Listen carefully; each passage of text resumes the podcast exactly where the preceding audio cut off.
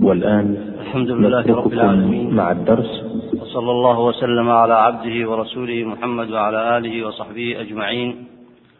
سبحانك اللهم لا علم لنا إلا ما علمتنا إنك أنت العليم الحكيم. هذا هو الدرس السادس في شرح كتاب الاعتصام.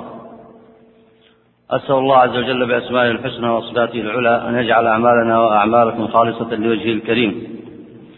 وأن يعلمنا ما ينفعنا. وأن يعيننا على ذكره وشكره وحسن عبادته. هذا الدرس في تعريف البدع. وذكر تعريف الشاطبي للبدعة في الكتاب وشرح هذا التعريف. اقرأ بارك الله فيك. بسم الله الرحمن الرحيم. قال المصنف رحمه الله تعالى الباب الأول في تعريف البدع وبيان معناها وما اشتق منه لفظا. وأصل مادة بدع للاختراع على غير مثال سابق. ومنه قول الله تعالى بديع السماوات والأرض أي مخترعهما من غير مثال سابق متقدم. وقوله تعالى قل ما كنت بدعا من الرسل أي ما كنت أول من جاء بالرسالة من الله إلى العباد بل تقدمني كثير من الرسل. ويقال ابتدع فلان بدعة يعني ابتدع طريقة لم يسبقه إليها سابق وهذا أمر بديع. يقال في الشيء المستحسن الذي لا مثال له في الحسن فكأنه لم يتقدمه ما هو مثله ولا ما يشبهه. هذا تعريف البدعة في اللغة.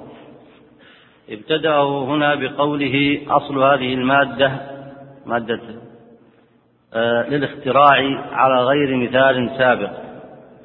قال مجاهد والسدي في تفسير قول الله تعالى بديع السماوات والأرض أي مقترحهما وخالقهما ومنشئهما. فالاختراع هنا الاختراع والخلق والتنشئة لم يسبق لها مثال ولذلك قال الله عز وجل بديع السماوات والأرض. قال رحمهم الله ومنه سميت البدعة بدعة لأنه لا نظير لها فيما سلف. ويشير هنا إلى المعنى اللغوي. أيضا كما وردت مناسبته بقوله تعالى قل ما كنت بدعا من الرسل أي ما كنت أول من جاء بالرسالة من الله إلى العباد. بل سبقني رسل جاءوا بالتوحيد وجاءوا بالشرائع. وهذا معلوم من دين الإسلام.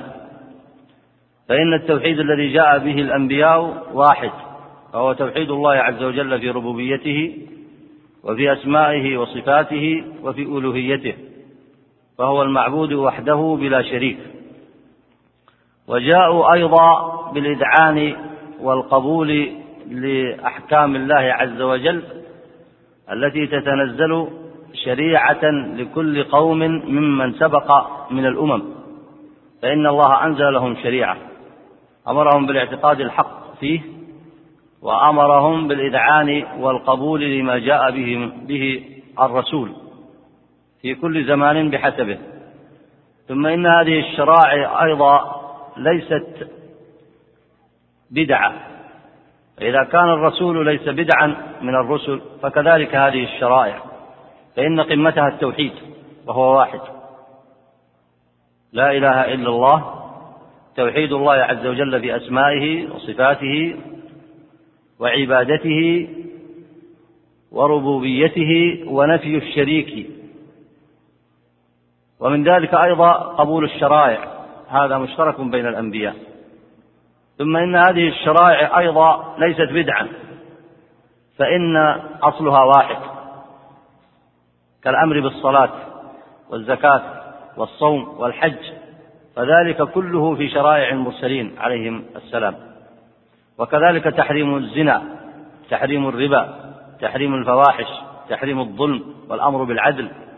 والولاء للمؤمنين والعداء للكافرين والبراءة منهم والتحذير من الشرك وسائر ما جاء من كليات الشريعة فإنها واحدة عند جميع المرسلين. ولذلك لو أدرك المسلمون هذا المعنى في العصور المتأخرة لما اختلفوا على أمر دينهم لأن هذا الأمر هو الأمر المشترك بين الأنبياء جميعا. ولو اجتمعوا عليه لأقاموا الحق. وهو أمر بين وواضح منصوص عليه في كتاب ربنا وسنة نبينا محمد صلى الله عليه وسلم. فالتوحيد واحد. وأصول الشرائع والملة التي تحفظ بها المجتمعات أصول واحدة عند جميع الأنبياء عليهم الصلاة والسلام. بقي هنا بعد الإشارة إلى هذه المع... هذين المعنيين الواردين في هاتين الآيتين لماذا ذكر الشاطبي التعريف اللغوي هنا؟ من يذكر الجواب؟ لماذا ابتدأ هنا بذكر هذا التعريف اللغوي؟ نعم. لأن هناك اشتراك أحسنت بين التعريف اللغوي والتعريف الشرعي. فسيأتي يعرف التعريف الاصطلاحي الذي ذكره في الكتاب هنا بأن البدعة طريقة في الدين مخترعة. ولاحظوا في التعريف كما سيأتي معنا قال طريقة في الدين مخترعة. والاختراع هنا أي أنها على غير مثال سابق. ومعنى أنها على غير مثال سابق أي ليست على أصل شرعي. ليست مبنية على أصل شرعي. ولذلك أشار مجاهد والسدي هنا عند تفسير هذه الآية بديع السماوات والأرض قال ومنه سميت البدعة. بدعة لأنه لا نظير لها فيما سلف وعلى هذا فحق على المسلمين إنكار البدع لأنها لا أصل لها في الشرع. وسيأتي ما يدل من كلام السلف والعلماء عموما على إنكار هذه البدع لأنها لا أصل لها في الشرع. والمطلوب من المسلمين هو الاجتماع على الشرع هو الاجتماع على الشرع وإقامته ونصرته. وإنكار كل وإنكار كل ما يدخل عليه من المحدثات. فإذا العلاقة بين هذا التعريف الاصطلاحي واللغوي والمعنى اللغوي أن البدع لا أصل لها في الشرع. أحدثها الناس بأهوائهم وآرائهم. وسيشير المصنف هنا إلى أن البدع عامة يدخل فيها الشرك الأكبر وصوره الكثيرة ويدخل فيه ما دون ذلك من البدع. يدخل فيه الشرك الأكبر لأن الناس أدخلوه على الدين وليس منه. كما جاء النبي عليه الصلاة والسلام فوجد العرب تعبد الأصنام وتتقرب إليها زلفى بزعمهم أنهم يريدون التقرب إلى الله فجعلوا ذلك ملحقا بملة إبراهيم وليس منهم وانظروا هنا أنهم ألحقوا الشرك بملة إبراهيم الذي جاء عليه السلام لماذا؟ لأي شيء جاء؟ جاء ليحطم الأصنام ويحارب الشرك ويقيم الملة الحنفية السمحة ومع ذلك أدخلوا الشرك على ملته بزعمهم. فهذا من البدع. وأصل البدع الشرك بالله عز وجل. وأما أنها على غير مثال سابق فذلك معلوم. فإنك إذا رجعت إلى دين المرسلين فإنه إنما جاء بالتحذير من الشرك. فكيف ينسب الشرك إليه؟ وأيضا من البدع أيضا بالمعنى العام بدع الطوائف كالرافضة والخوارج والمرجئة والمعتزلة وبدع التصوف وغير ذلك من البدع والمحدثات فإنها لا أصل لها كما سيبين المصنف وقد بنى كتابه هذا وألف كتابه هذا لبيان ذلك. فهذا مما أشار إليه هنا في التعريف أن أصل مادة بدع للاختراع على غير مثال سابق. فأطلقت على البدعة لأن البدعة في حقيقتها أهواء من أهواء البشرية سواء في الشرك الذي أنشأته الأمم أو في البدع التي أنشأتها الفرق الضالة في داخل الأمة الإسلامية. أو في البدع الجزئية. كل ذلك على غير مثال سابق أي لا يرجع إلى أصل شرعي. هذا المعنى سميت البدعة بدعة استخراجها للسلوك عليها. الابتداع وهيئتها هي البدعة وقد يسمى العمل المعمول على ذلك الوجه بدعة. فمن هذا المعنى سمي العمل الذي لا دليل عليه في الشرع بدعة. وهو إطلاق أخص منه في اللغة حسبما يذكر بحول الله. إذا إذا دعا إذا دعي أحد للسلوك على هذا على هذا الأمر المخترع الذي لا أصل له فإنما دعي للابتداع في الدين. وهو أمر منكر. وإذا تحققت منه على هيئة معينة فهي البدعة. وكذلك العمل المعمول به على ذلك الوجه يسمى بدعة. وأشار هنا إلى قوله وهو إطلاق أخص منه في اللغة حسب ما يذكر بحول الله. إشارة منه رحمه الله إلى أنه قد تسمي الأمور المحدثات المادية الأمور المادية أمر اخترع على غير مثال سبق من الأمور المادية قد تسميه ابتداع وابتكار وأمر بديع وهذا يصح في اللغة. لكن في الأمور الشرعية لا يسمى بدعة. فإن كان لا أصل له في الشرع سمي بدعة لأنه ينطبق عليه المعنى لأنه مخترع لم يرجع فيه إلى أصل الشريعة ولم يرجع فيه إلى الشرع فيصح أن يسمى بدعة حينئذ. وإما إن رجع إلى الشرع فلا يسمى بدعة. لهذا سيشير إلى تقسيم البدعة إلى حسنة وبدعة سيئة والمؤلف لا يوافق على هذا التقسيم وسيأتي بيان ذلك.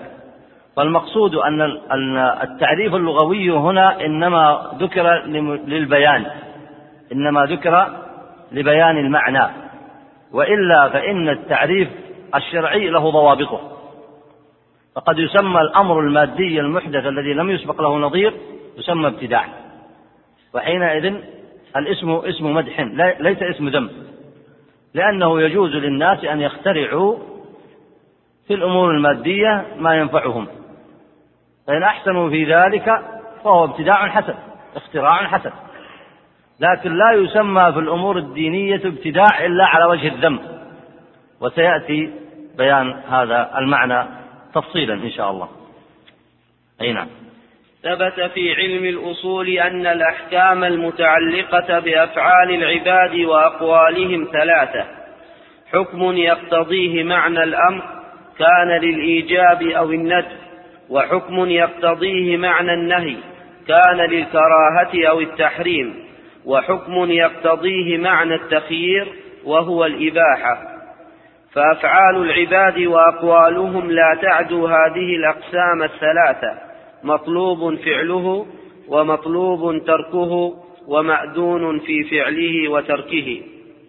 والمطلوب تركه لم يطلب تركه إلا لكونه مخالفا للقسمين الأخيرين لكنه على ضربين. هنا يريد أن يشير إلى ما اشتهر في علم الأصول من أن الشارع إذا أمر أو طلب شيئا فإما أن يطلبه على وجه الواجب وإما على وجه المندوب. وإذا نهى عن شيء فإما أن ينهى عنه على وجه التحريم أو على وجه الكراهة. هذه أربعة هذه أربعة أقسام. والقسم الخامس المباح وهو المأذون في فعله أو تركه. إن شئت فعلته وإن شئت تركته. ثم قال هنا والمطلوب تركه الذي هو المنهي عنه لم يطلب تركه إلا لكونه مخالفا للقسمين الآخرين. هذا التصحيح.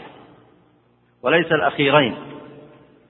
فأما القسمان الآخران فيقصد بهما المطلوب فعله وهو المندوب والواجب. والمأذون بفعله وتركه وهو إيش؟ وهو المباح. فصحح الأخيرين الآخرين. ثم قال هو على ضربين. سيبين أن المنهي عنه. إما أن يقع المكلف فيما نهي عنه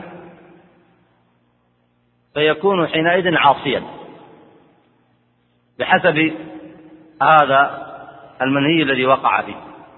فإن أمر بألا يشرب الخمر فشربها كان عاصيا.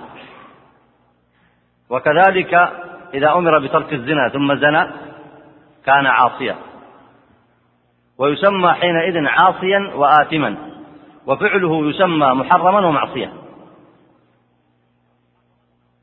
لكن هذا الفعل المنهي عنه لو أنه زاد فيه معنى التعبد والتقرب إلى الله. فإنه ينتقل إلى حكم آخر وهو ما سيتحدث عنه المصنف في تعريف البدعة.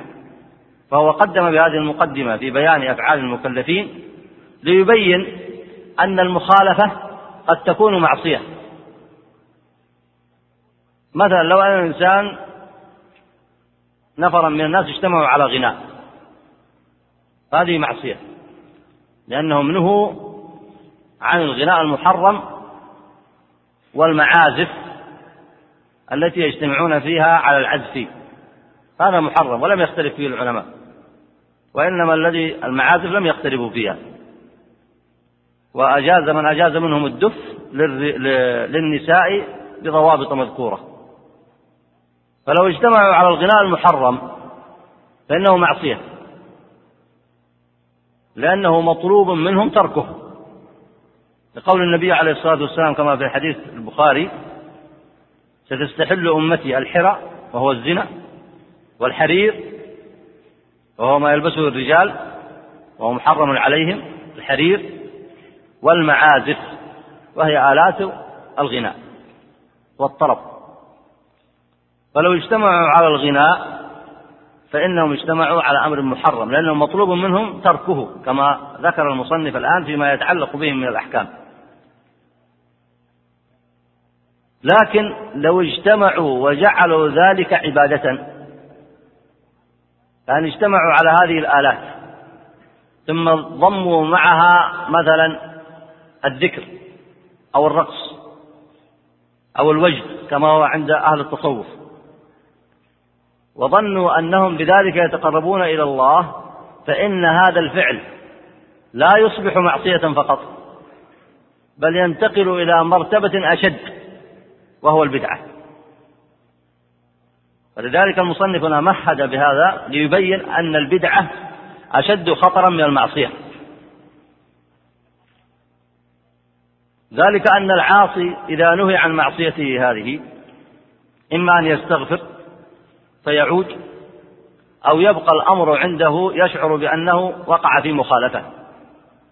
فهو قريب إلى العود إلى الطاعة أو لعله لا يزال يشعر بذنب بذنبه وأن هذا العمل معصية. وأما المبتدع فإنه يشعر بأن هذا العمل عبادة يتقرب بها إلى الله وأنها طريقة في الدين تقرب إلى الله. فإذا بقي على هذه الآلات وجمع معها أنواعا من الذكر أو الرقص أو المدايح أو غير ذلك فإنك إذا نهيته عن ذلك قال كيف تنهاني عما يقربني إلى الله. ولذلك هذا المثال يوضح لكم خطورة إيش؟ خطورة الابتداع فإنه أشد من المعصية. ثم بعد ذلك هو درجات كما سيأتي في هذا الكتاب. إما أن يكون الابتداع الذي هو في أصل الدين وفي الشرك كابتداع عبادة القبور وعبادة الأصنام وكابتداع تبديل الشرائع وترك متابعة الرسل. فإن ذلك من التغيير والتبديل الذي يلحق بالتوحيد وهو من الشرك الأكبر. وإما أن يكون كالبدع التي أنشأتها الطوائف كبدع الخوارج والمعتزلة وغيرها فهي أيضا على درجات. وإما أن تكون دون ذلك فهي أيضا من البدع وكل ذلك أخطر من المعاصي. والمعاصي كما تعلمون أنواع. منها الكفر والشرك ومنها ما دون ذلك. فالمعصية التي دون ذلك من الكبائر أو من غيرها التي دون الكفر والشرك إذا انضم إليها الابتداع نقلها إلى درجة أشد. فلم تبقى مجرد أمر محرم مثلا ومجرد معصية يعتقد صاحبها أنها معصية وإنما أضاف إليها أنه جعلها طريقة في الدين معتبرة. ولذلك هذا المثال مما يوضح لكم خطورة الابتداع وهو ما سيبينه المصنف في التعريف ثم سينقل لكم كلام العلماء من المفسرين والمحدثين وعامة السلف رحمهم الله في التحذير من البدع وخطورتها. لأنها تنسب إلى الدين وتعمل على وجه التعبد وعلى وجه تحقيق المصالح الدنيوية والأخروية وتصبح المحرمات انتقلت إلى درجة يظن أصحابها أنها من الدين وتشابه المشروع ويتقربون بها إلى الله ويحققون بها مصالحهم الدنيوية والأخروية. ولذلك تلحظون هنا أن في الأمر تغييرا وتبديلا للدين والشرائع. لأن أصبحت المحرمات التي أمر الله عز وجل باجتنابها أصبحت عند القوم طرائق في الدين وطرقا للعبادة ومسالك يحققون بزعمهم بها مصالحهم الدنيوية والأخروية. والأمر حينئذ خطير لأنه تبديل للدين وتغيير لشرائع الإسلام. اقرأ بارك الله والمطلوب تركه لم يطلب تركه إلا لكونه مخالفا للقسمين الآخرين لكنه على ضربين أحدهما أن يطلب تركه وينهى عنه لكونه مخالفة خاصة مع مجرد النظر عن غير ذلك وهو إن كان محرما سمي فعله معصية معصية وإثما وسمي فاعله عاصيا وآثما وإلا لم يسمى بذلك ودخل في حكم العفو حسبما هو مبين في غير هذا الموضع. لعله هنا يشير إلى أن الأحكام الخمسة المطلوب فعله وهو الواجب والمندوب. والمطلوب تركه وهو المكروه والمحرم. والمأذون بفعله وتركه وهو المباح. فكأنه يريد أن يشير هنا إلى ما يدخل في حكم العفو. وقد بين ذلك في, في كتابه الموافقات. مشيرا إلى الحديث الصحيح. والحديث ذكره ابن كثير في التفسير. وصححه وهو من رواء وهو عند الدار قطني من قول النبي عليه الصلاة والسلام إن الله تعالى فرض فرائض فلا تضيعوها. وحد حدودا فلا تعتدوها. وحرم أشياء فلا تنتهكوها.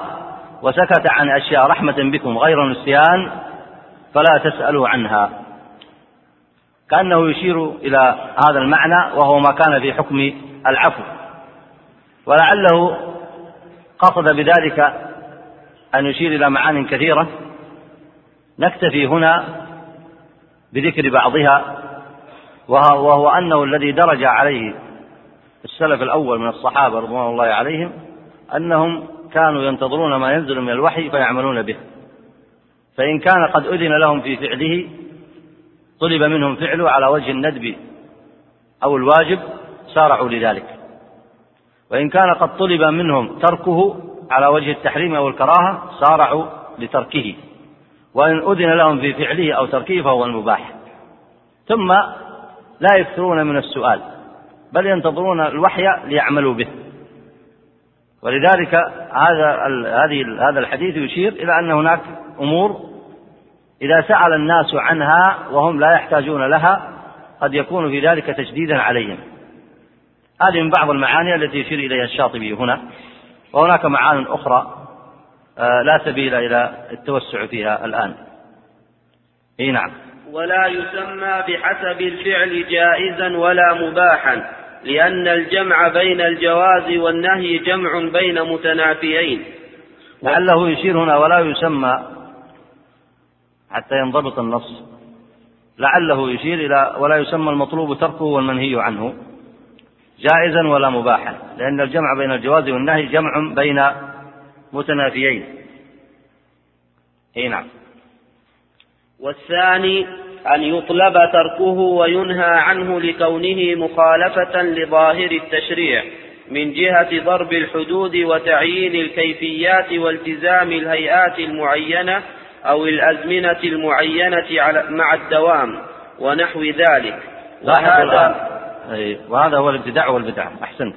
لاحظوا الآن أنه ترك الآن ذكر المحرم والمعصية. وقال لكونه مخالفة خاصة مع مجرد النظر عن غير ذلك. الآن لو شرب الإنسان الخمر يكون عاصيا. ثم لو أنكر حكمها واستحلها يكون كافرا. وكذلك لو زنى وهو يعترف بالحرمة يكون عاصيا. لكن لو زنى واستحل الزنا يكون كافرا. فالنظر في المعصية الأولى لاحظوا عبارته مع مجرد النظر عن غير ذلك مجرد فعل المعصية التي هي الكبائر التي دون الشرك مجرد فعلها هنا يجعل لها حكما خاصا وهو كونها معصية. إذا انضاف إليها أمر آخر يتغير هذا الوصف. فإذا انضم لها الاستحلال أصبحت كفرا والعياذ بالله. لاحظتم الآن؟ إذا انضم معها استحلال المعلوم من هذا الذي حرمه الله كالخمر والزنا وما شابه ذلك فإنه إذا ضم مع معصيته الاستحلال لها أصبح فعله كفرا. أكبر. وكذلك الغناء. إذا وقع في الغناء المحرم كان فعله معصية. هذا من حيث النظر الخاص المجرد للفعل. فإذا ضم أنه يتخذه طريقة للتعبد فإنه يكون بدعة. فلاحظوا الآن النظر قوله الآن هنا وينهى عنه لكونه مخالفة خاصة مع مجرد النظر عن غير ذلك. ولذلك سيأتي هنا في الأمثلة التي سيذكرها في البدع. هو منهي عنها. ومنهي عن إحداثها. فلما أحدثها على وجه الابتداع أو أدخل في المعاصي أمورا أخر على وجه الابتداع فإنها تنتقل من مجرد كونها معصية إلى كونها بدعة. والمحرمات. إذا أتى المحرمات بدون أن يضيف إليها أمرا آخر فإنها معصية. فإن أدخل عليها كيفيات أو التزمها في هيئات معينة أو أزمنة معينة أو أضاف إليها نوع من التعبد فإنها تصبح من البدع. وهذا يدخل في المعاصي ويدخل حتى في الواجبات. الصيام مثلا واجب. فلو صام على كيفية معينة غير ما ورد الشرع به. صام في الشمس واقفا لا يستظل. لأنه بدعة.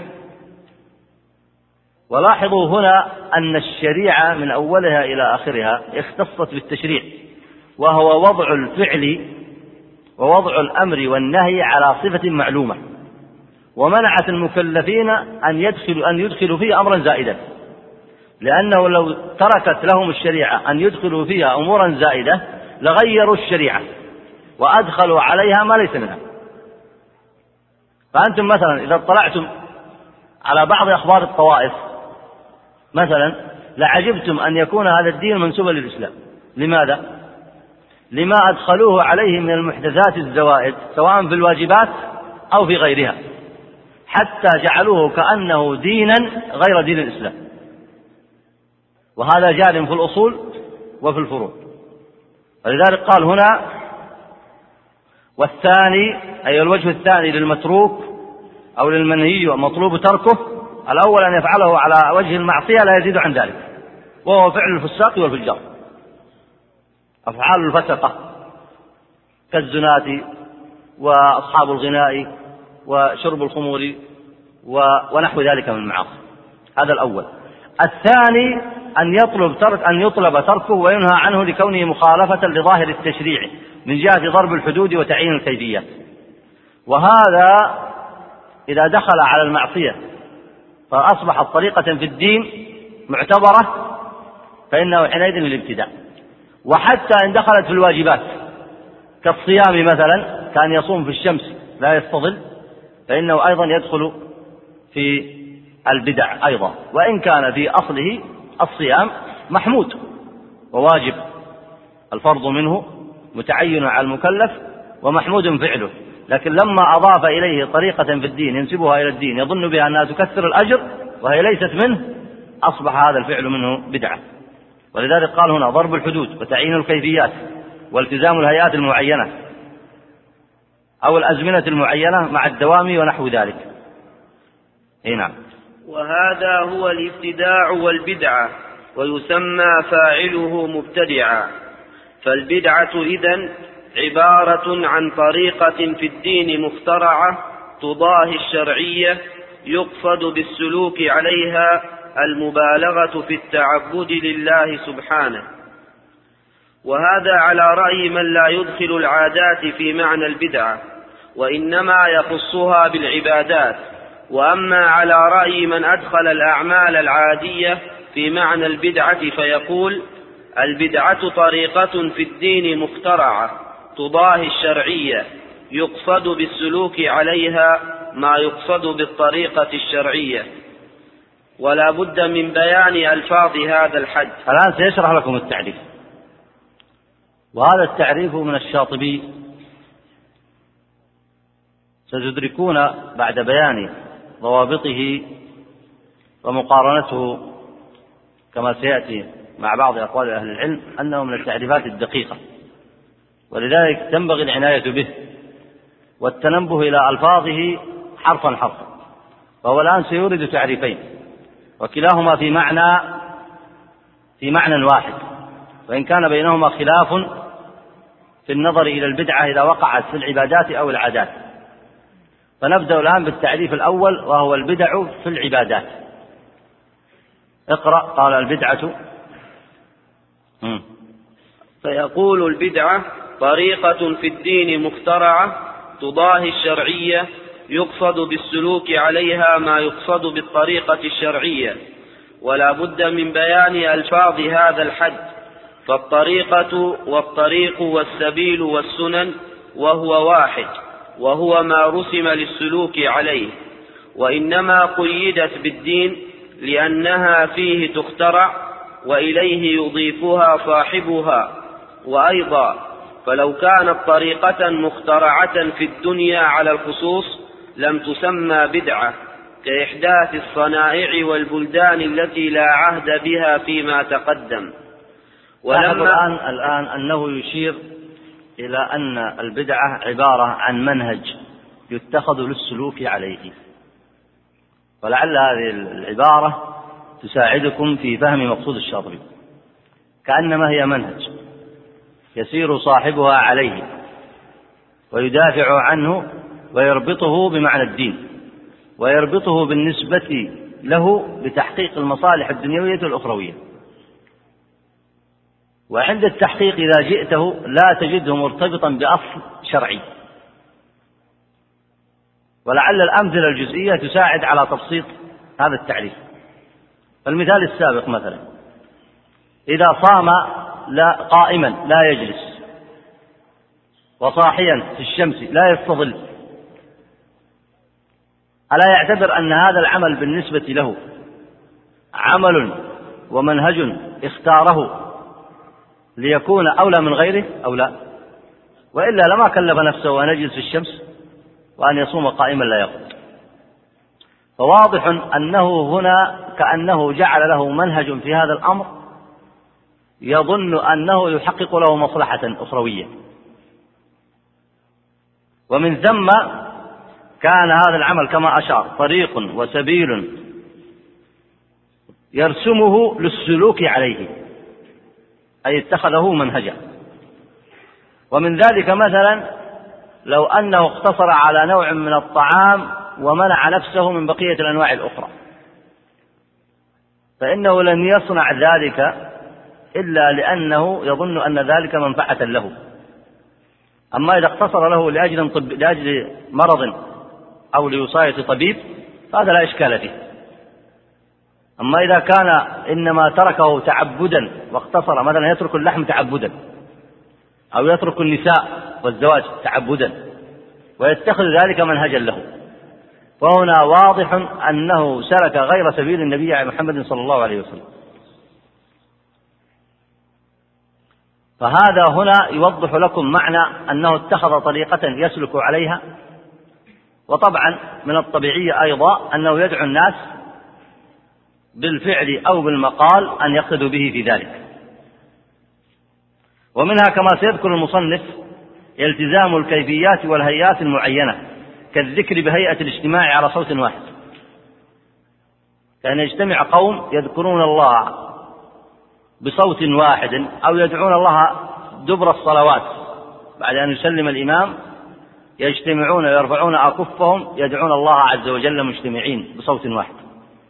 فإن هذا مخترع بمعنى أنك إذا راجعت نصوص الشريعة لم تجد أن الله شرعه وليس له أصل مشروع في هذا الأمر يرجع إليه.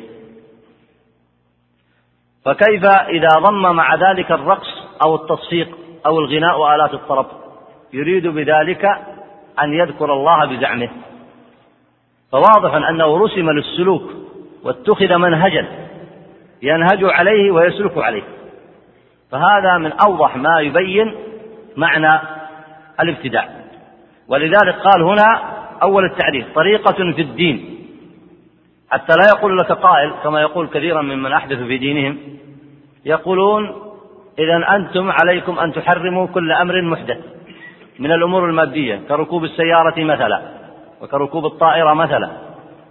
فالشيخ هنا قال لكم طريقة في الدين ولم يقل لكم طريقة في الدنيا. أما في الدنيا فيحدث الناس لهم بحسب ما يحتاجون. وقد يركبون الطائرة وقد يركبون السفينة وقد يركبون السيارة وآلات الحرب تختلف عندهم فقد كانت من قبل آه، السيف والسنان ثم تختلف بعد ذلك بحسب الحال. وهم مأمورون أن يضبطوا هذه الأمر بشرع الله عز وجل يستخدموه في طاعة الله ويضبطونه بالأحكام الشرعية. أما أنه يتجدد معهم مع الزمان فهذا أمر طبيعي. ولذلك قال هنا طريقة مخترعة في الدنيا على الخصوص لا تسمى بدعة لأننا نتكلم في ماذا الآن؟ نتكلم في البدع اللغوية ولا نتكلم في البدع الشرعية؟ نتكلم في البدع في الاصطلاح الشرعي أي المحرمة في الشرع لكن لا نتكلم في البدع اللغوية. البدعة اللغوية الذي هي الاختراع لأمر ما من أمور الدنيا هذا أمر ليس بمحرم بل هو مطلوب أن يجدد الناس في أمر دنياهم بقدر ما يحتاجونه. في قوتهم وفيما يحتاجونه في أمورهم الضرورية والحاجية والتحسينية. لكن بشرط أن يحكموا ذلك بشريعة الله. وإن اختلفت مراكبهم وإن اختلفت آلاتهم في الحرب وإن اختلفت مجتمعاتهم بين مجتمع زراعي أو رعوي أو صناعي. فالإحداث في هذا من حيث اللغة هذا لا إشكال فيه. ومن حيث الطرق الدنيوية أيضا لا إشكال فيها. وليس وليس هذا الكتاب ينكر هذا الأمر بحال من الأحوال. فإذا جئت عند الذين أحدثوا في دينهم ورسموا سلوكا يعملون على مقتضاها في العبادات أو في غيرها من الأمور الدينية ولم يرد بها الشرع فإن العلماء أنكروا عليهم ذلك لأن الشرع أنكره. وحرم الإحداث في الدين كما كما ذكره أهل العلم. وكما قال النبي عليه الصلاة والسلام وسيأتي هذا تفصيلا كل بدعة ضلالة. أي كل طريقة في الدين محدثة ضلالة. هذا معنى الحديث. ولا يجوز لأحد أن يحدث في الدين شيئا. فإذا جاء المجادل مثلا أو المخالف فقال إذا إذا أنتم لا تريدون المحدثات وتقولون هذه بدع فالسيارة بدعة والطائرة بدعة والسفينة بدعة والآلات الحديثة بدعة والمذياع بدعة فلماذا تستعملونه؟ فالجواب هنا كما ذكر الشاطبي الطرق المخترعة في الدنيا ليس ليس الشرع ناهيا عنها. الشرع لا ينهى عنها. ما دامت في إطار المباح أو المأذون فيه. بل هو من تجديد أحوال الناس في مجتمعاتهم. فالناس في المجتمع الزراعي غيرهم في المجتمع الصناعي غيرهم في المجتمع الرعوي. لكن صلاتهم في المجتمع الزراعي وصلاتهم في المجتمع الرعوي وصلاتهم في المجتمع الصناعي واحدة ما تختلف. تحريم الخمر في الزراعي وفي الرعوي وفي الصناعي واحدة. تحريم الزنا تحريم الاختلاط. في كل مجتمع من هذه المجتمعات على اختلاف درجات واحدة. كذلك طرق الذكر والعبادة والصيام والحج على هذه المجتمعات أيضا واحدة. فلا يجوز أن يحدث في الدين ويزاد عنه باعتبار أن أحوال الناس تغيرت. لا. فإن الصدق محمود في المجتمعات على اختلاف درجاتها. والكذب محرم في المجتمعات على اختلاف درجاتها والزنا محرم في المجتمعات على اختلاف درجاتها وكذا في سائر الأحكام لأن هذا الدين هو دين الفطرة. فالاختراع في الدين في الدين هو المحرم. ولا يمكن أن يدخل حكم الاختراع في الدين في حكم الاختراع في الدنيا. إي نعم. وهذا على أي حال من المجادلة بالباطل. ومما يذكرني من الطرائف أن رجلا كان ينهى الناس أن يسألون غير الله عز وجل. يأتي لهم عند قبورهم فيقول لهم لا تسألوا إلا الله. إذا سألت فاسأل الله. ويذكرهم بحديث ابن عباس. ويخطب فيهم. ويحذرهم. مشفقا عليه. ناصحا لهم. في كل مكان. فمر عليه قوم ممن يسخرون به ويجادلونه بالباطل. وهو جالس على الطريق. فسألهم متى يأتي الإتبيس من هنا؟ فقالوا إذا سألت فاسأل الله. وواضح أنها مجادلة بالباطل هو نهاهم عن ماذا؟ نهاهم عن الشرك. وهم يقولون الذي نهيتنا عنه مثل الذي تطلبه منا. فهذا نوع من المجادلة. فكثيرا من الناس إذا نهيتهم عن الابتداع في الدين قالوا وما بال الدنيا؟ الدنيا فيها مخترعات والسؤال الذي يقال لهم أذن الله لكم أن تخترعوا في دنياكم. لكن هل أذن لكم أن تخترعوا في دينكم؟ وأن تنشئوا طرائق من عند أنفسكم في الدين؟ والجواب طبعا بالنفس أي نعم. ولما كانت الطرائق في الدين تنقسم فمنها ما له أصل في الشريعة ومنها ما ليس له أصل فيها خص منها ما هو المقصود بالحد وهو القسم المخترع. هذا القيد الآخر. أنه مخترع. ولاحظوا الآن مخترع أي على غير أصل سابق شرعي. أما إذا كان مبنيا على أصل شرعي ثابت معتمد على دليل معتبر فإنه حينئذ اجتهاد معتبر وليس بدعة. فإنه حينئذ اجتهاد معتبر. أي نعم. أي طريقة ابتدعت على غير مثال تقدمها من الشارع إذ البدعة إنما خاصتها أنها خارجة عما رسمه الشارع. وبهذا القيد انفصلت عن كل ما ظهر لبادئ الرأي أنه مخترع مما هو متعلق, متعلق بالدين كعلم النحو والتصريف ومفردات اللغة وأصول الفقه وأصول الدين وسائر العلوم الخادمة للشريعة فإنها وإن لم توجد في الزمان الأول فأصولها موجودة في الشرع.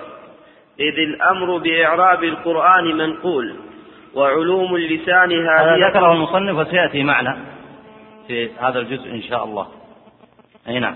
وعلوم اللسان هادية للصواب في الكتاب والسنة فحقيقتها إذا أنها فقه التعبد بالألفاظ الشرعية الدالة على معانيها كيف تؤخذ وتؤدى. يعني الشريعة أمرت بالتفقه في الدين. والتفقه في الدين ما يكون إلا عن طريق معرفة لغة العرب ومقاصدها. ولذلك أكثر البدع أدخلها الأعاجم الذين لا يعرفون اللغة العربية.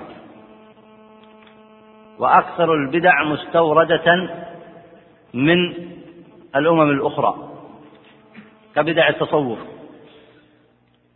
وكثير من بدع الفلاسفة والمتكلمين فالأعاجم لا يعرفون اللغة العربية ولذلك أدخلوا البدع على الشريعة وراجت على كثير من الخلق ففهم اللغة العربية وضبطها وجمعها وجمع الحديث وكتابة المصحف وحفظ العلوم الشرعية هذا مأمور به. وأصله كان موجودا عند الصحابة رضوان الله عليهم. وأنتم تعلمون أن النبي صلى الله عليه وسلم أمر بكتابة الحديث. والصحابة سنتهم كما قال النبي صلى الله عليه وسلم عليكم بسنتي وسنة الخلفاء الراشدين من بعدي. فقد أمروا أمر أبو بكر بجمع المصحف. وهذه الأمور لها أصل في الشرع وهي حافظة له. ولذلك أشار الشاطبي هنا أن ما كان له أصل في الشرع وخادم لهذه العلوم الشرعية فهو مما هو مطلوب في الدين. أي مطلوب من الدين إقامته وحفظه. أي نعم. وأصول, وأصول الفقه إنما معناها استقراء كليات الأدلة حتى تكون عند المجتهد نصب عين وعند الطالب سهلة الملتمس. حتى تكون عند المجتهد نصب عين. حتى تكون عند المجتهد نصب عين وعند الطالب سهلة الملتمس. وكذلك أصول الدين وهو علم الكلام. إنما حاصله تقرير لأدلة القرآن والسنة أو ما ينشأ عنها في التوحيد وما يتعلق به كما كان الفقه تقريرا لأدلتها في الفروع العبادية. هنا الآن ما يتعلق بالتوحيد وبيان معانيه وبيان نواقض نواقضه من التحذير من الشرك وأسباب الكفر فهذا أيضا مأمور به. بل هو أصل الدين وحقيقة الإيمان وهو الأمر الذي بينه النبي عليه الصلاة والسلام وأمر صحابته والمسلمين من بعده ببيانه. والناس محتاجون إلى بيانه في كل أحوالهم. فمن كان موحدا ازداد إيمانا كقول الله تعالى يا أيها الذين آمنوا آمنوا. ومن كان مشركا صحح عقيدته. فالأمة تحتاج إلى بيانه في جميع أحوالها.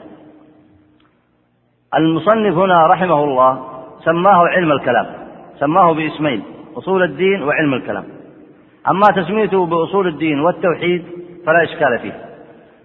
وأما تسميته بعلم الكلام فهي تسمية حادثة.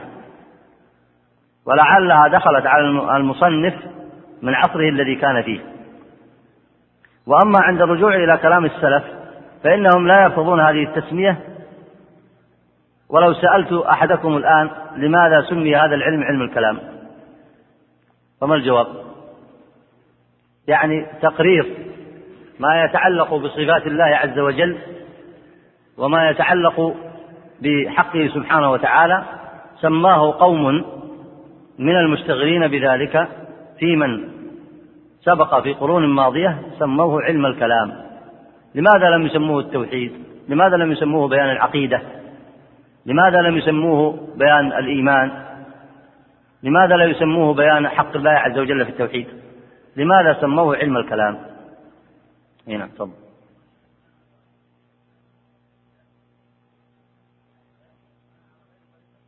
كان على غير طريقة السلف فلم يسموه بذلك الاسم الذي عند السلف. فلم يسموه بذلك الاسم بل اخترعوا له اسما يتناسب مع طبيعة هذا العلم. لو كان هو علم السلف لسموه بعلم التوحيد كما أشار المصنف هنا قال وما ينشأ عنها في التوحيد. فلماذا سمي إذا علم الكلام؟ تفضل. تفضل أجب. أحسنت. لأن أكثره جدال وكلام. أكثره جدال وكلام لا فائدة فيه. هكذا سمي هذا العلم. والصحيح أن طبعا يطلق علم الكلام على طريقة مبتدعة لمعرفة ما يجب لله عز وجل. وأضرب لكم مثالين توضح لغير المتخصصين ما هو علم الكلام. ما دام قد ورد هنا في هذا الموضع من النص. فمثلا إذا أرادوا أن يبحثوا في صفات الله عز وجل ما ورد في التوحيد في الكتاب والسنة هو ذكر أوصاف الله عز وجل بما يليق به سبحانه وتعالى. فمثلا في قوله تعالى آمنتم من في السماء مفسرة عند السلف بعلو الله عز وجل. في السماء. وهي تفيد معنى العلو. فإذا جاء أحدا أن يشبهه بأحد من المخلوقين كان الجواب أيضا من القرآن ليس كمثله شيء وهو السميع البصير. وهكذا في سائر الصفات الأخرى.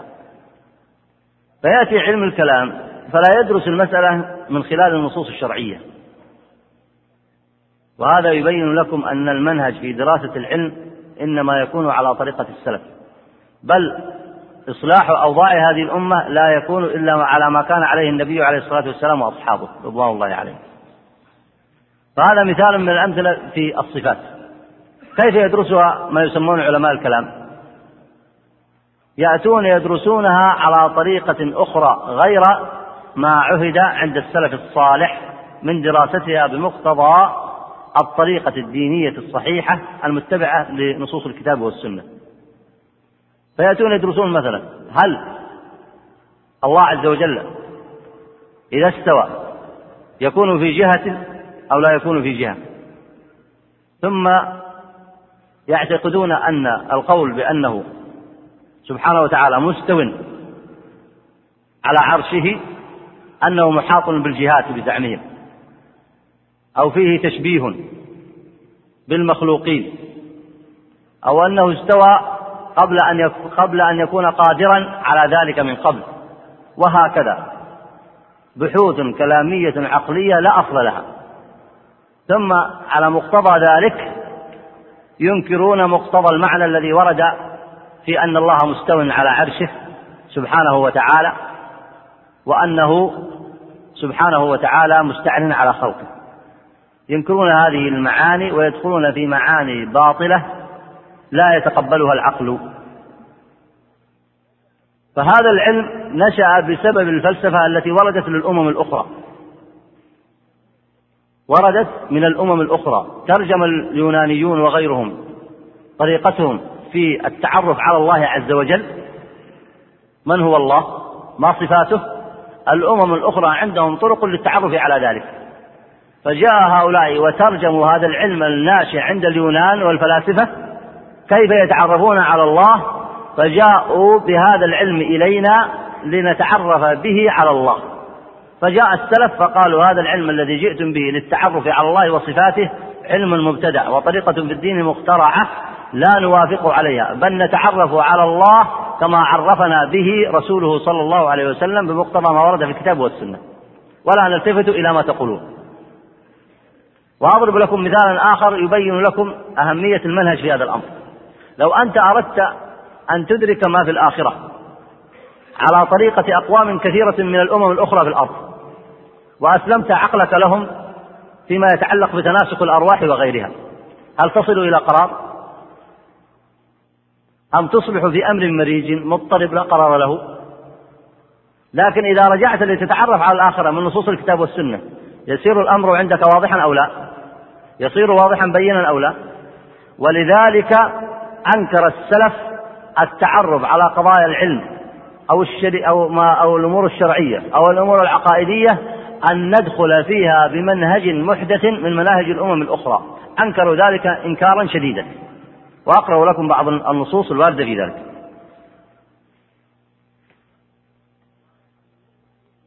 والمهم أن يدرك طلاب العلم وكل من يشتغلون بالعلوم الشرعية.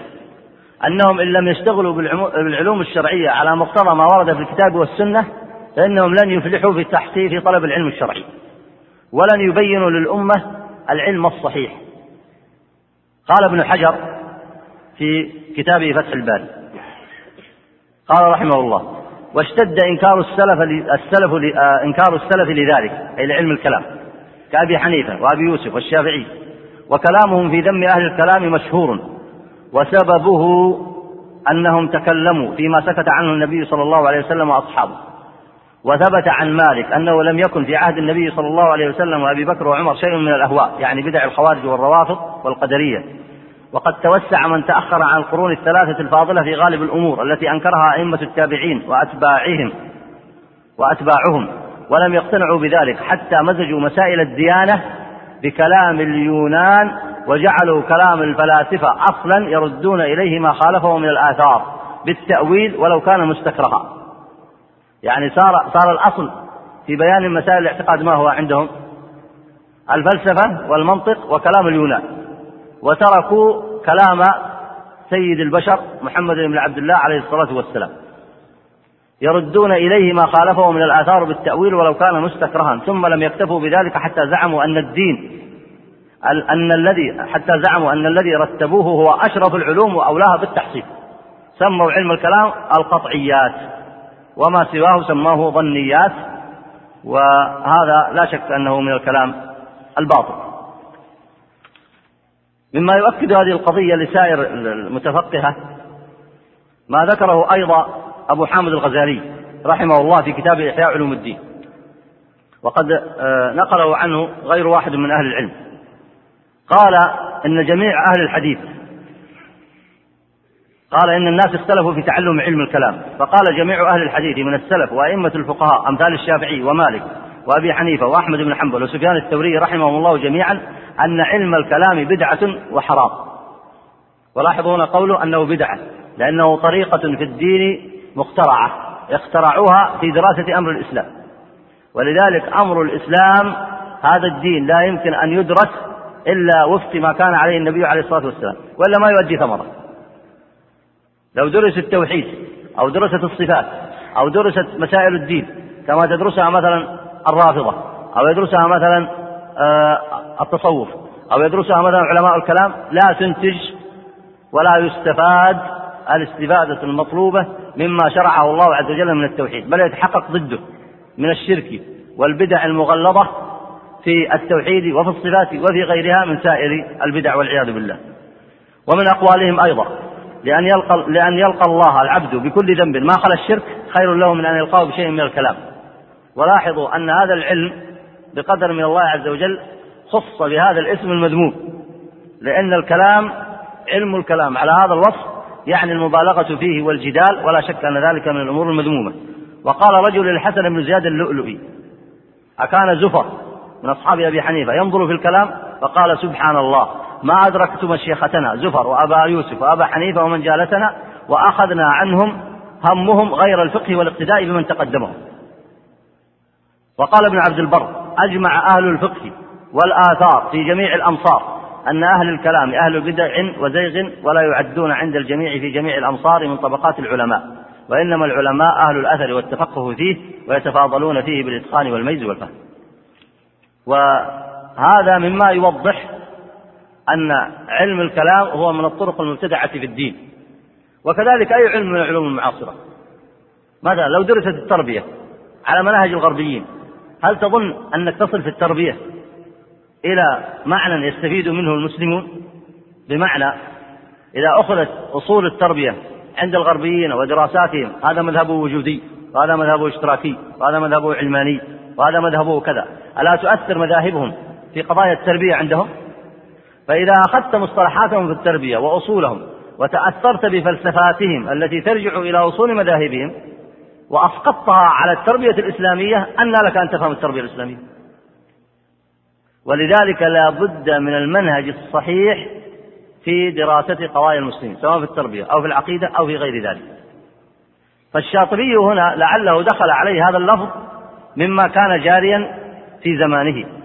وإلا فإنه أنكره في مواضع كثيرة. ومنها في الموافقات. فإنه أنكر كثيرا من المصطلحات المتعلقة بعلم الكلام. وقال إن هذه الطريقة طبعا ما يمكن التفصيل معكم الآن في مثل هذا لأنه يحتاج إلى محاضرات لكنه مصطلح آه لا بد أن يظهر لكم شيء من معناه. والفائدة الكبرى لمن لا يستطيع أن يدرك معناه إدراكا جليا وإن كان الطلاب المتخصصين يدركون معناه. لكن الفائدة لمن لا يستطيع أن يدرك معناه من جميع جوانبه أن يفهم على الأقل أن أي منهج غريب عن أهل الإسلام إذا استعمل في تعلم النصوص الشرعية أو العلوم الشرعية فإنه يفسدها. فإنه يفسدها. فلا بد أن تتعلم هذا الدين عن طريق عن الطريق الذي تعلمه النبي صلى الله عليه وسلم وأصحابه. ولا يسع الناس غير ذلك.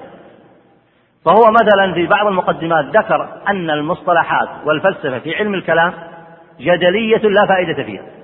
فمثلا يأتون بتعريف يأخذ من العلم صفحات ويرهق ذهن القارئ حتى لا يكاد يفهم لأنها أمور جدلية. فيقول مثلا السطح ما هو تعريف السطح؟ هل تحتاج أنت إلى تعريف السطح؟ السطح هو هذا. فيأتون للتعريفات فيقول السطح هو الجرم الحاوي للجرم المحوي. اتضح لكم شيء مفهوم السطح؟ فيقول لو تركوه بغير تعريف لكان خيرا لهم. ففي أنواع من الفلسفة أصلا نشأت عند الأمم الأخرى لا حاجة لنا بها فإسقاطها على نصوص الشريعة منكر. ولذلك أنكر هذا في مواضع كثيرة. وإن كان كغيره قد يدخل عليه بعض الأمور لغلبة العصر لغلبة العصر فإن الإنسان مهما تحرز فيدخل عليه. المهم أن لا يكون متعصبا لهواه بل بل أن يكون منحاشا للسنة ساعيا إليها ونصرته وإلى نصرتها. فإن أخطأ في بعض الأمور غير متعمد وغير متعصب فذلك الخطأ يصحح لكن يبقى له سلامة منهجه في الأمور الأخرى. أي نعم. فإن قيل فإن تصنيفها على ذلك الوجه مخترع. يعني هذا من الشبه. يأتي إنسان فيقول علم النحو مخترع. كتابة الحديث ما كان الحديث مكتوب في عهد النبي عليه الصلاة والسلام. يعني لازم أنتم كل شيء يقول عندكم يصير بدعة. مثلا الحديث ما كان مكتوب. القرآن ما كان مجموع في عهد النبي عليه الصلاة والسلام. فالناس احتاجوا لذلك فجمعوه. فنحن نحتاج مثلا إلى أمور كثيرة. مثلا لترقيق قلوب الناس. نحتاج مثلا في الوعظ أن نجمعهم بعد الصلوات على ذكر واحد وأن ندعو لهم بعد التسليم مباشرة. يقول نحن نحتاج حتى نرقق قلوب الناس. فكما احتاج الناس إلى كتابة الحديث وكتابة القرآن وعلم النحو فكذلك نحن نحتاج إلى هذا. كذلك نحتاج مثلا حتى نذكر الناس بالنبي عليه الصلاة والسلام كما سيأتي كلام المصنف إلى أن نجعل له يوما خاصا نذكره فيه. ثم نحتاج أن يكون فيه شيء من الوجد ويداخله التصفيق أو الرقص لا حتى نوجد الوجد والمحبة في قلوب الناس. ها؟ ثم تأتي البدع بعد ذلك آه كالسيف. فيقولون هذا الذي تقولونه محدث ومنكر هو أيضا مثل كتابة الحديث ومثل جمع القرآن ما كان معروفا ولم يأمر به النبي عليه الصلاة والسلام. فإذا جعلتم أفعالنا بدعة فكذلك علم النحو بدعة. وكتابة الحديث بدعة وكتابة القرآن بدعة. فالشاطبي سيجاوب سيذكر الجواب على هذا. فالجواب أن له أصلا في الشرع ففي الحديث ما يدل عليه ولو سلم أنه ليس في ذلك دليل على الخصوص. يعني الحديث يدل عليه يقصد به قول النبي عليه الصلاة والسلام عليكم بسنتي وسنة الخلفاء الراشدين من بعد فسنة الخلفاء مأمور بالأخذ بها. وقد جمعوا القرآن. وذلك أيضا يرجع إلى أصل شرعي عندهم وهو أن الله وهو أن النبي عليه الصلاة والسلام كتب أمر بكتابة الحديث كما ورد في بعض النقول. وكذلك بعض القرآن كان مكتوبا. وجمع لأن حفظه وجمعه لأن حفظه وجمعه مأمور به. وكذلك سيأتي كلامه أيضا في أن هذا من المصالح الشرعية المعتبرة التي ترجع كما قال هنا فالشرع بجملته يدل على اعتباره. لأن الشرع أمرنا بحفظ الدين ولا يمكن أن يحفظ الدين إلا بكتابة القرآن وبكتابة الحديث وبحفظ لغة العرب. فهذا أيضا مأمور به من الدين وليس محدثا. يعني له أصل في الشرع لأن الشرع أمرنا بذلك. أي نعم. فالشرع بجملته يدل على اعتباره وهو مستمد من قاعدة المصالح المرسلة وسيأتي بسطها بحول الله. فعلى القول بإثباتها أصلا شرعيا لا إشكال في أن كل علم خادم للشريعة داخل تحت أدلته التي ليست بمأخوذة من جزئي واحد. فليست ببدعة البتة. وعلى القول بنفيها لا بد أن تكون تلك العلوم مبتدعات وإذا دخلت في علم البدع كانت قبيحة لأن كل بدعة ضلالة من غير إشكال كما كما ياتي بيانه إن شاء الله.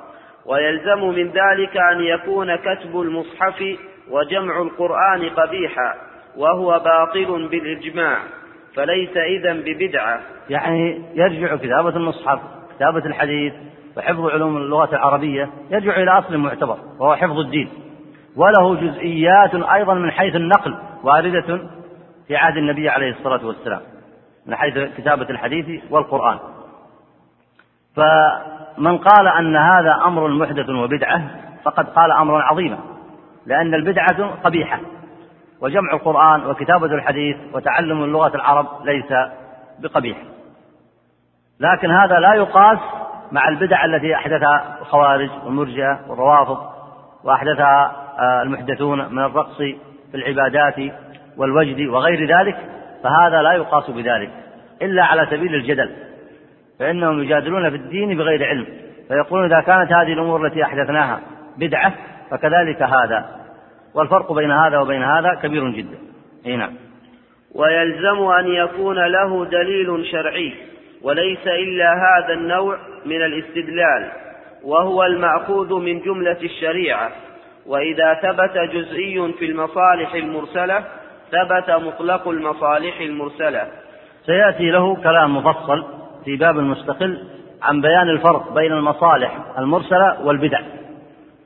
وهو بحث نفيس ذكره هنا في الاعتصام وسيأتي مفصلا بإذن الله عز وجل. أي نعم. فعلى هذا لا ينبغي أن يسمى علم النحو أو غيره من علوم اللسان أو علم الأصول أو ما أشبه ذلك من العلوم الخادمة للشريعة بدعة أصلا. ومن سماه بدعة فإما على المجاز كما سمى عمر بن الخطاب رضي الله عنه قيام الناس في ليالي رمضان بدعة وإما جهلا بمواقع السنة والبدعة فلا يكون قول من قال ذلك معتدا به ولا معتمدا عليه. إذا كان جهلا بمواقع السنة والبدعة بتعريف البدع فهذا جهل منه لا يعتد به ولا يعتمد عليه. لكن بقي تفسير قول عمر بن الخطاب عن قيام رمضان عندما قال بدعة. والحديث أخرجه البخاري.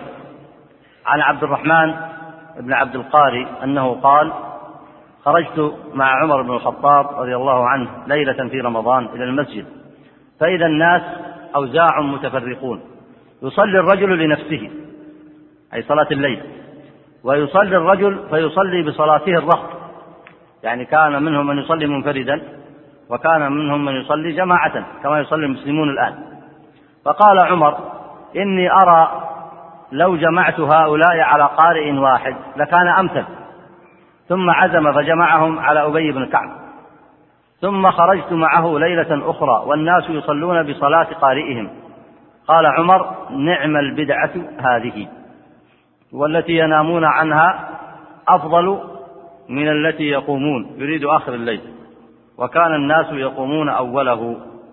الحديث رواه البخاري. فهنا قول عمر نعمة البدعة. إنما المقصود بها المعنى اللغوي. إنما المقصود بها المعنى اللغوي. يعني هذا بهذه الصورة كان الناس في عهد النبي عليه الصلاة والسلام. هنا الصلاة صلى بهم النبي عليه الصلاة والسلام في رمضان ثم تركهم. وتركهم النبي عليه الصلاة والسلام حتى لا تفرض عليهم وحتى لا تكون واجبة عليهم. فالصلاة مندوب إليها وليست بواجبة التي هي صلاة التراويح. فلما جاءوا في عهد عمر رضي الله عنه رآهم يصلون. منهم من يصلي على قارئ واحد؟ ومنهم من يصلي وحده؟ ومنهم من يصلي مع الرهط الجماعة. فلم يجعلهم متفرقين فجمعهم. فهذا العمل له أصل في الشرع أو لا؟ له أصل في الشرع. أما أصله في الشرع فإن هذا العمل ليس على سبيل الوجوب وكذلك النبي عليه الصلاة والسلام لم يصنعه على سبيل الوجوب. فصلاة التراويح ليست كصلاة الفريضة. هذا من حيث الحكم. وعمر لم يفرضه. هذا أمر. الأمر الثاني أن عمر جعلهم يصلون جماعة. ألم يكونوا يصلون جماعة في عهد النبي عليه الصلاة والسلام؟ صلى بهم النبي جماعة. ولم يلتزم بهم طيلة الشهر حتى لا تكون مفروضة عليهم أو يظنون أنها مفروضة عليهم. فالذي صنعه عمر له أصل في الشر وهذا أمر ليس بمنكر وهذا أمر ليس بمنكر. فما كان له أصل في الشرع فهو معتبر. وإنما الابتداع المنكر الذي ذكره الشاطبي في التعريف هنا وذكره العلماء هو ما لم يكن له أصل في الشرع هنا وقوله في الحد تضاهي الشرعية يعني أنها تشابه الطريقة الشرعية من غير أن تكون في الحقيقة كذلك بل هي مضادة لها من أوجه متعددة. هذا من القيود آه، ومن الأوصاف في التعريف. وهو وصف مهم جدا. إذا حققت فيه وأدركته أدركت خطورة البدع من جهة وأدركت أيضا تعريف البدعة على التحقيق. فالأول طريقة في الدين مخترعة لماذا أنكرت؟ قد أسألك سائل لماذا أنكرت؟ قد يقول لك قال أنا أسلم لك أنها طريقة في الدين. وهل, وهل يعقل؟ أن ما أحدثه الناس من الشرك. وأن ما أحدثه الناس زيادة في العبادات وأن ما أحدثه الناس من الخلل في اعتقاد صفات الله عز وجل وأن ما أحدثه الناس من آه، كثير من آه، الذكر غير المشروع كالرقص أو ما يحدثونه من النذور والذبائح عند القبور أو ما أحدثته الرافضة أو ما أحدثته الطائف المعلوم. هل معقول أن هذا جاء من عند الله عز وجل وأن النبي صلى الله عليه وسلم جاء به؟ إذا كان جاء به فأين النصوص التي تدل على ذلك؟ هاتوا برهانكم. ولا يستطيع أحد أن يأتي بذلك. فقد يأتي إنسان فيقول نعم هي طريقة أحدثناها لكن ما المشكلة في ذلك؟ فهنا ولذلك كثير منهم إذا جاء ما ينسب مذهبه إلى السلف. أتدرون لماذا؟ من يذكر الجواب؟ ليس له أصل عندك لكن أنا أريد جواب أقوى من هذا لأنه لا دليل هذا يعني قولك أنت اعتقادك أنت؟ لا لماذا لا ينسبون مذهبهم إلى السلف؟ لأنهم ها ما يذكر الجواب كيف؟ طب. نعم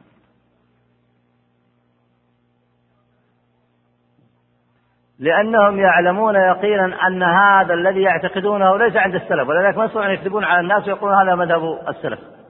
طبعا إذا لم يكن مذهب السلف هل يكون دين محمد بن عبد الله عليه الصلاة والسلام؟ إذا لم يكن مذهب الصحابة هل يكون دينا للنبي عليه الصلاة والسلام؟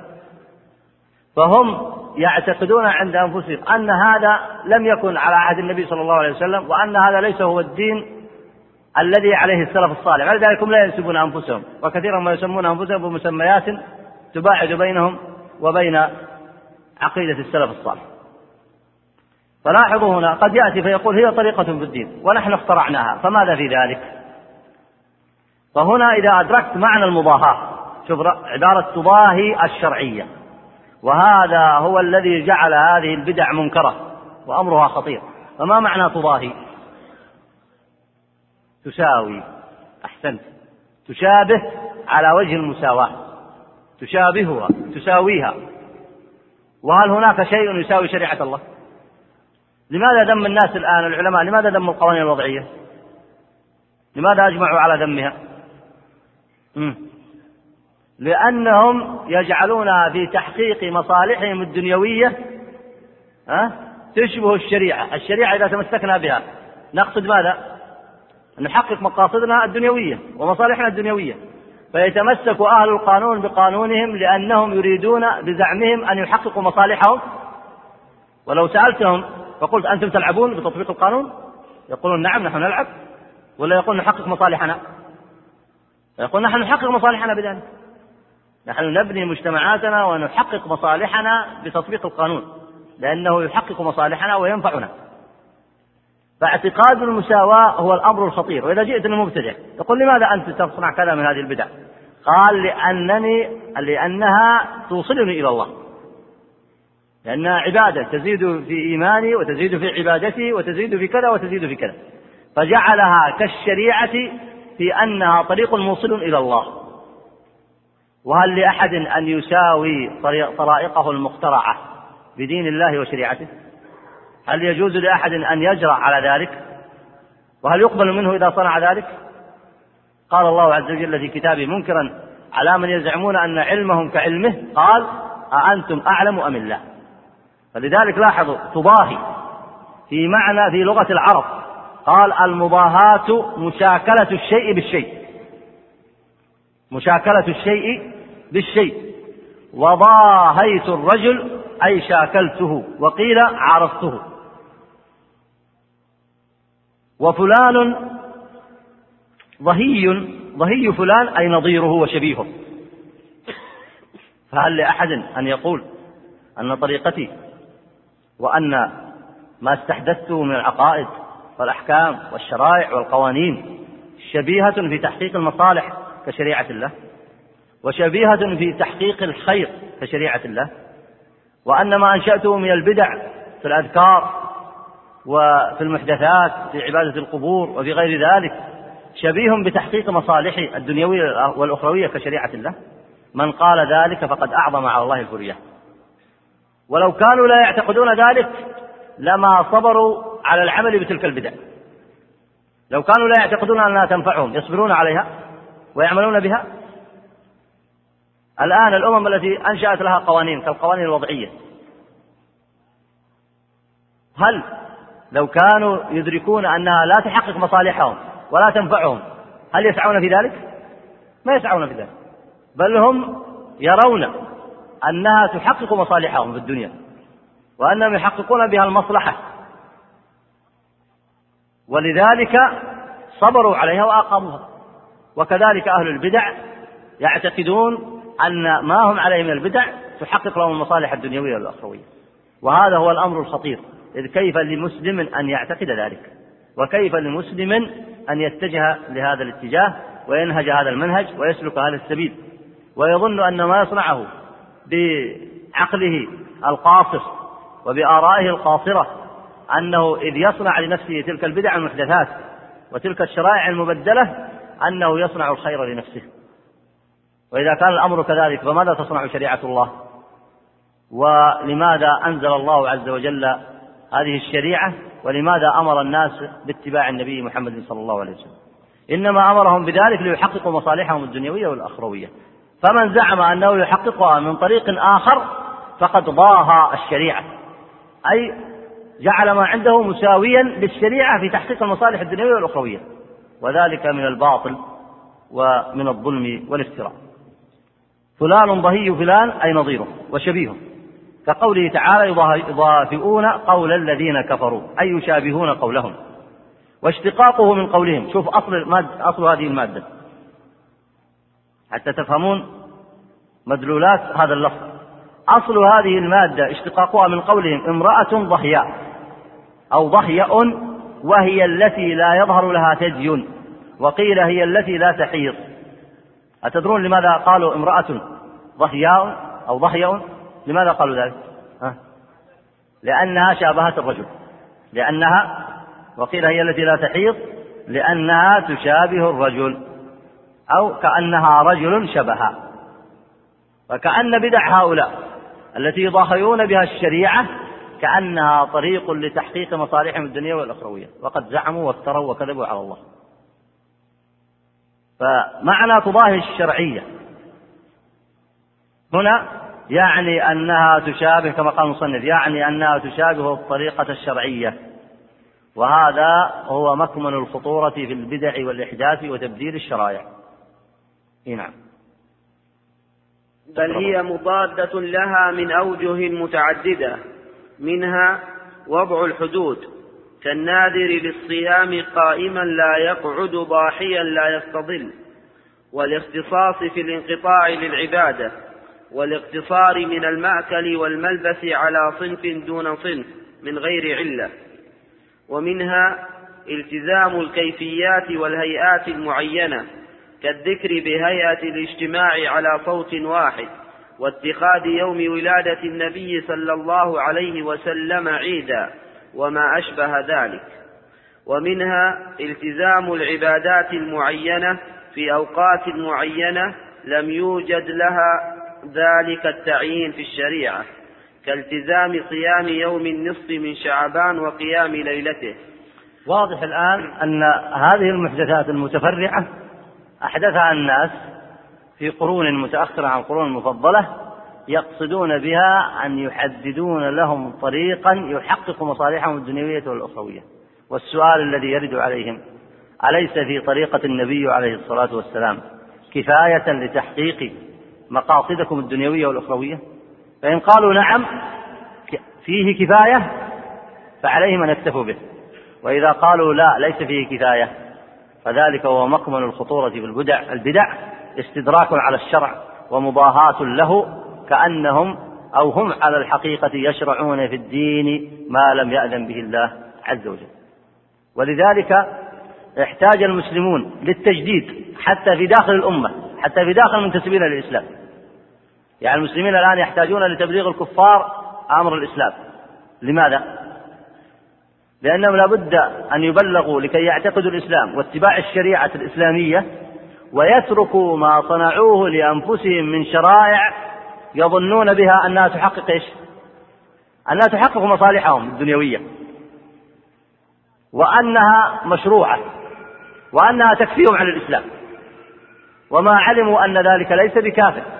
بل عليهم باتباع الإسلام وإلا كانوا كفارا وكانوا مخلدين في النار. والعياذ بالله. ما دام بلغهم الحق وسمعوا بخبر النبي محمد صلى الله عليه وسلم. وبالمناسبة الذي كلف بأن يكتب عن هذا الموضوع. أي نعم. هات بارك الله أيضا يحتاج الناس للتجديد. يحتاج الناس للتجديد في داخل المنتسبين للإسلام حتى ينكفوا عن جميع ما أحدثوه من البدع والمحدثات سواء في أمر التوحيد أو غيره ويعودوا لما كان عليه النبي عليه الصلاة والسلام. إن كانوا يعتقدون أن ما جاء به النبي صلى الله عليه وسلم كافر فليرجعوا إليه. وعلى هذا وجب على المجددين والدعاة أن يردوا الناس إلى مقتضى الكتاب والسنة وما كان عليه النبي عليه الصلاة والسلام. وإن زعموا أن ذلك لا يكفيهم قيل لهم قبحكم الله. كيف تظنون أن ما كان عند النبي عليه الصلاة والسلام ليس بكاف؟ والذي جاء به من عند ربي ليس بكاف. والذي جئتم به من عقولكم القاصرة. هو طريق لمصالحكم في الدنيا والآخرة؟ ولا شك أنهم اختاروا الخسران وتركوا الحق الواضح البين. آه، في أحد زملائكم أيضا تطوع أن يكتب بحثا في بيان شأن الكفار في الدنيا وعقوبتهم في الآخرة والفرق بين من بلغته الحجة ومن لم تبلغه. في أحدكم أيضا التزم بذلك. طيب. آه، كم بقي من الوقت؟ عشر دقائق. طيب نستكمل إن شاء الله هذا التعريف وتراجعون آه، ما مضى في تحديد هذا التعريف وستأتي مقارنة بين هذا التعريف والنصوص التي وردت في ذم البدع وفي ذم التشريع من دون الله في الكتاب والسنة وهو موضوع في غاية الأهمية. فتراجعون آه، ما مضى من شرح بعض الأوصاف التي وردت في التعريف ونستكمل الباقي بإذن الله عز وجل.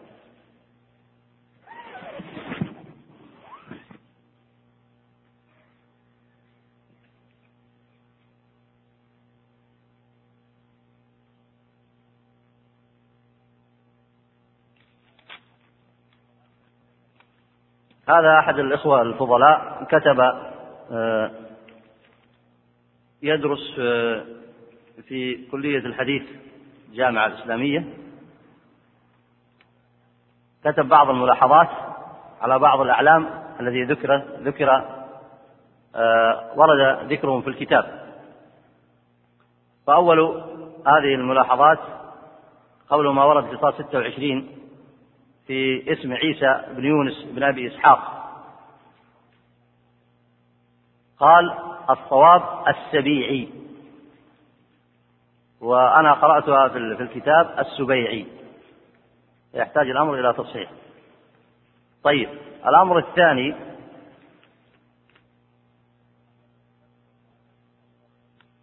وذكر المرجع في هذا جزاه الله خيرا. آه الأمر الثاني يقول آه أنا بقسم الملاحظات. واحد علي واحد علي عليك. طيب. قال آه، الأمر الثاني آه، قال أويس القرن القرني والصواب فتح الراء القرني. طيب. بارك الله فيك. آه الثالث قال وقد خرج أبو طاهر السلفي بكسر السين. وقرأ في الدرس السلفي. وذكر المراجع في هذا وبين ذلك فجزاه الله خيرا. وعليكم أيضا أنتم بأن تفيدوا آه، كل بما عنده من ملاحظات.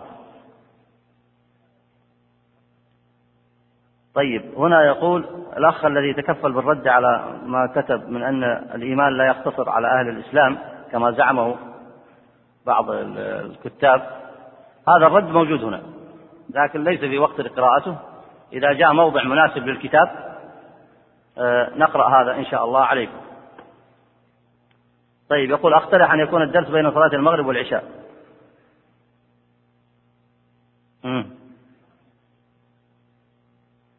في درس آخر؟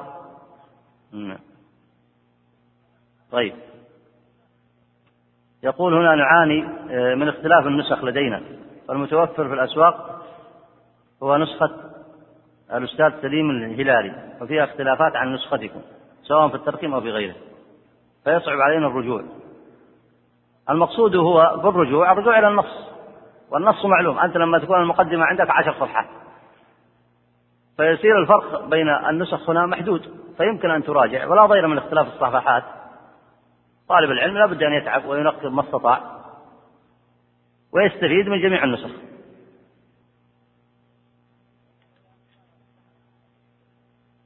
يقول هنا بماذا تنصحنا أن نرجع إليه في هذا الموضوع أي شرح الكتاب وبالخصوص موضوع البدع. الذي أنصح به أن يركز طالب العلم على جميع الفوائد والإيجابيات التي ذكرها الشاطبي رحمه الله في هذا الكتاب. فإنه إذا أدركها ودقق في فهمها فسيحصل علما وافرا في هذا الباب بإذن الله عز وجل. وأشرت إلى أن الكتب التي كتبت في البدع منها كتب عامة تذكر الآثار وتحذير السلف من البدع وهذا مفيد. لكن هنا آه، جواب عن شبه كثيرة وتدقيق في تعريف البدعة وربط هذا بمسائل كثيرة في الاعتقاد. ولا يعني أن كتاب الشاطبي أفضل من كل وجه من كتب غيره فكل إنسان يؤخذ منه ويترك والكتب تتفاوت من حيث الأهمية لكن ستجدون في هذا الكتاب بمشيئة الله ضوابط دقيقة ولذلك قد يمل آه، بعض الطلاب من بعض التدقيقات لكنها مهمة لطالب العلم أن يتبين الضوابط العلمية في هذا الباب. وستأتي هناك بحوث قوية في هذا الكتاب. أسأل الله عز وجل أن يعينني وإياكم على تفهمها على شرحها وتفهمها وتعلمها وحسن المناقشة والسؤال فيها. فهو لا شك أنه من الكتب المتميزة في هذا الباب والمقصود هو تعلم ما وفقه الله فيه من الخير من الكتابة والتأليف في هذا الباب وما احتاج إلى تنبيه أو تصحيح أو رد إلى النص الشرعي في بيان عقيدة السلف وذلك أمر واجب متعين. طيب. يقول هنا بعد السلام يقول الأواء ألا وإني أعالج أمرا لا يعين عليه إلا الله. قد ثني عليه الكبير. هذا قول المصنف الشاطبي أو عمر بن عبد العزيز. هذا سبق معنا أنه قول عمر بن عبد العزيز. يقول هنا فأشكل مرماها على الجمهور. هذا شرحت بالدرس. يعني أن البدع إذا انتشرت. أصحاب الطرق وأئمة البدع يصنعونها ويزينونها للناس. وأكثر الناس يظنون أنها ما دام هذه البدعة وضع عليها حديث موضوع وهذه البدعة وضع عليها حديث متروك مردود وهذه البدعة علقت بشبهة. ظن كثير من الناس أن لها أصل في الشرع. ولذلك حق على أهل العلم أن يزيلوا هذه الغربة عن جمهور الناس ويبينوا لهم بمقتضى الكتاب والسنة يفرقون لهم بين التوحيد والشرك وبين السنة والبدعة. يقول هنا يوجد في هذا اليوم محاضرة وهي درس أسبوعي لفضيلة الشيخ موسى القرني في مسجد الأمير متعب ونحن حريصون على حضور درسكم ودرس الشيخ. لذلك نرجو أن يكون هناك تنسيق بحيث آه، يكون لدرس الشيخ يوما يوم مستقل. وهذا أملنا من الأخ الشيخ حامد ولي. إذا ترفع يعني طلبك مشفوعا أيضا ب تأكيد طلبك بأنه أن يجعل لكل درس يوما خاص إذا أمكن ذلك.